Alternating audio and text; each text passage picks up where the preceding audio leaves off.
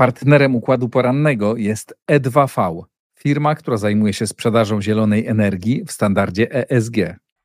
Libertarianin Javier Milei wygrał wybory prezydenckie w Argentynie. W Rosji przeciwko mobilizacji protestują matki i żony żołnierzy. Chiny domagają się pilnego przerwania walk w gazie.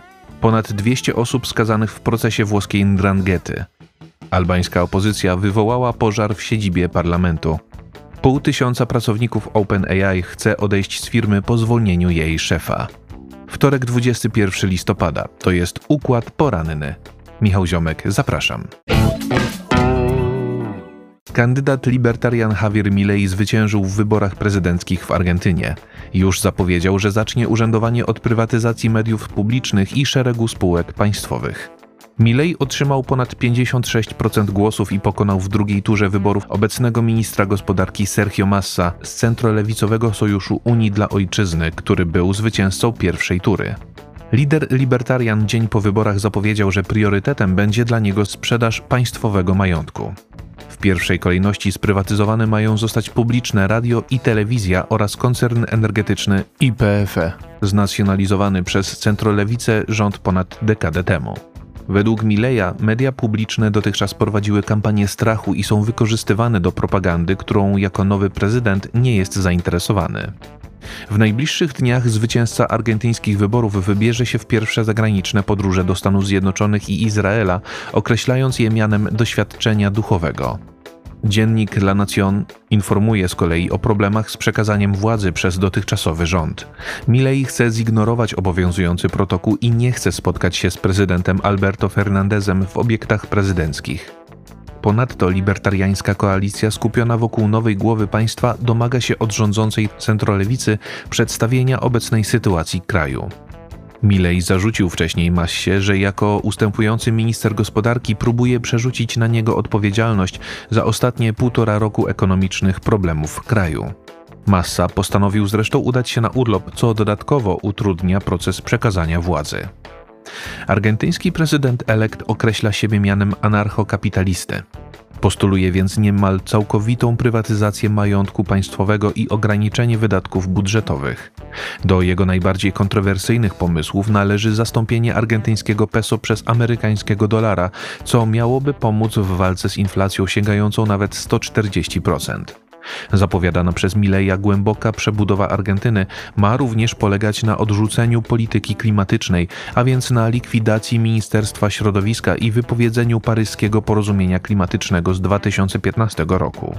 Swoje libertariańskie poglądy ekonomiczne Milei łączy z konserwatyzmem w kwestiach światopoglądowych. Opowiada się za przeprowadzeniem referendum w sprawie cofnięcia przepisów dopuszczających aborcję do 14 tygodnia oraz krytykuje wprowadzenie do szkół zajęć z edukacji seksualnej. Nowym wiceprezydentem Argentyny będzie Victoria Villarruel, znana między innymi ze swoich związków z tradycjonalistami katolickimi z Bractwa Świętego Piusa X. W Nowosybirsku odbyła się demonstracja matek i żon rosyjskich żołnierzy sprzeciwiających się mobilizacji wojska do walki na Ukrainie. Do podobnych demonstracji dochodzi coraz częściej, mimo zakazów nakładanych przez władze samorządowe. Niedzielna manifestacja kobiet w Nowosybirsku nie była pierwszym tego typu wydarzeniem w ostatnich tygodniach. Podobny protest miał miejsce na początku listopada w Moskwie, natomiast z powodu zakazu wydanego przez lokalne władze nie powiodła się próba organizacji demonstracji w Petersburgu. Rosyjskie służby bezpieczeństwa w różny sposób próbują zapobiegać demonstracjom. W Czelabińsku miejscowym kobietom zasugerowano spotkanie z przedstawicielami biur zajmujących się rejestracją żołnierzy oraz lokalnej organizacji Bractwo Bojowe. Z kolei w obwodzie kemerowskim policja odwiedziła kilka kobiet w ich domach i poinformowała je o konsekwencjach organizacji nielegalnych protestów. W obwodzie krasnojarskim rodziny wojskowych zostały ostrzeżone przed potencjalnymi zarzutami o działalność ekstremistyczną. The Moscow Times przypomina, że w tym miejscu za pośrednictwem sieci społecznościowej Telegram wystosowano apel do prezydenta Władimira Putina.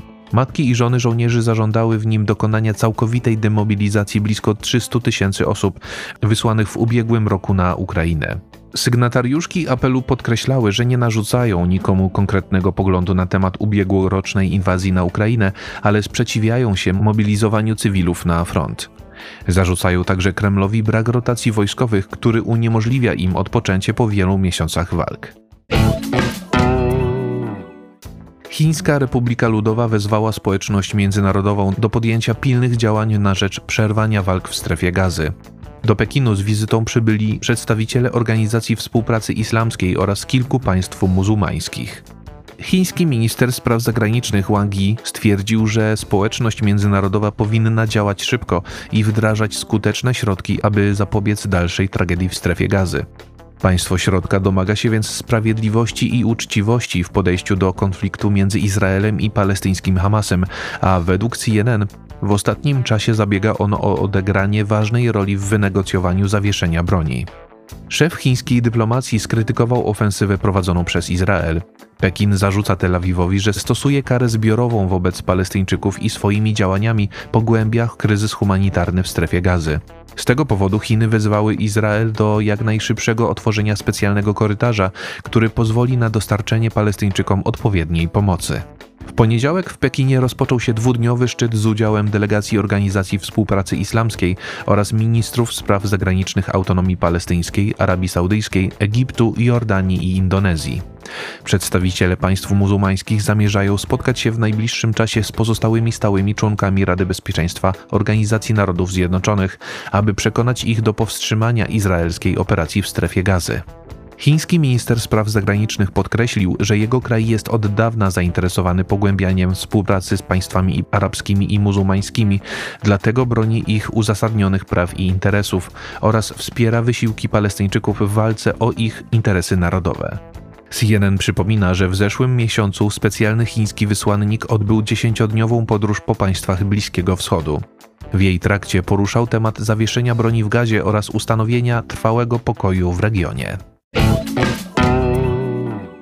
207 osób usłyszało łączne wyroki 2100 lat więzienia za liczne przestępstwa i przynależności do włoskiej mafii. Sądzeni byli członkami Ndranghety, która obecnie ma między innymi monopol na przemyt kokainy do Europy. Odczytywanie wyroku w sądzie w południowej Kalabrii trwało blisko dwie godziny. Ostatecznie w procesie Ndranghety skazanych zostało 207 osób, a 131 innych osób zostało uniewinnionych. Oskarżeni usłyszeli wyroki za przynależności do organizacji przestępczej, handel narkotykami i bronią oraz wymuszenia.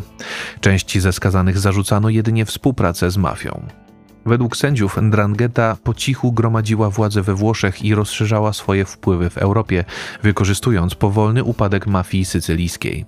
Dzięki temu udało się jej uzyskać monopol na import kokainy do Włoch i Europy, a ponadto rozszerzyła swoją działalność na Amerykę Południową i Afrykę. Prokuratorzy podkreślają, że Ndrangheta jako organizacja przestępcza zyskała wpływ na niemal wszystkie aspekty życia społeczno-politycznego w prowincji Vibo Valentia w regionie Calabria. Zdaniem obrońców oskarżonych prokuratura w rzeczywistości nie zbadała żadnego konkretnego wątku, a spora część z nich została ostatecznie oczyszczona ze stawianych im zarzutów. Przez całe dziesięciolecia śledczy mieli problem z rozpracowaniem kalabryjskiej mafii, bo z powodu więzów krwi była ona odporna na zdrady.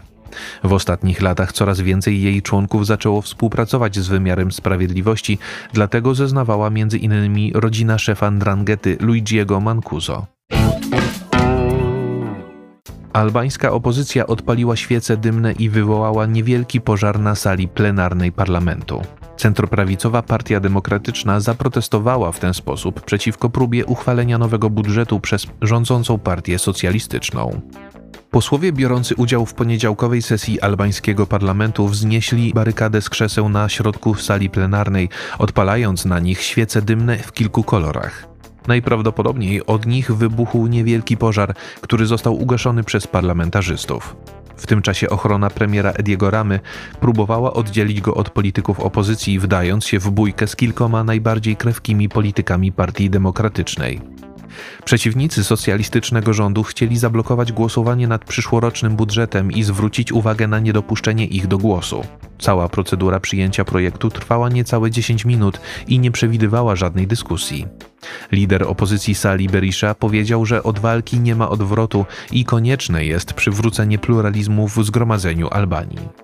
Demokraci zarzucają socjalistom, że uchwalili nowy budżet bez debaty, chociaż przewiduje on wydatki na poziomie blisko 7 miliardów euro, a spora część tych pieniędzy ma służyć przekupieniu wyborców przez rząd Ramy.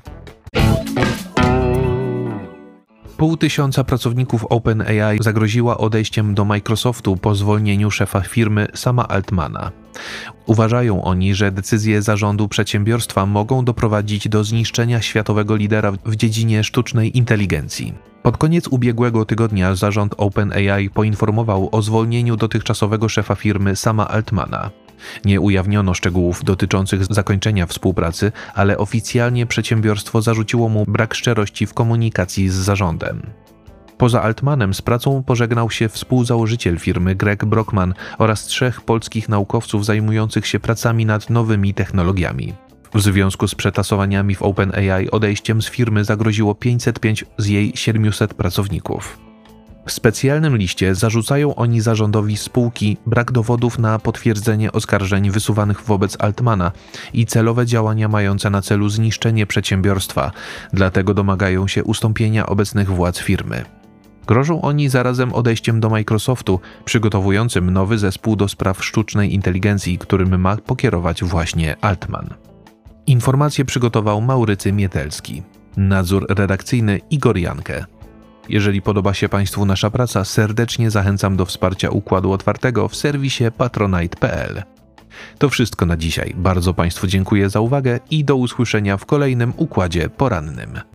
Partnerem Układu Porannego jest E2V, firma, która zajmuje się sprzedażą zielonej energii w standardzie ESG.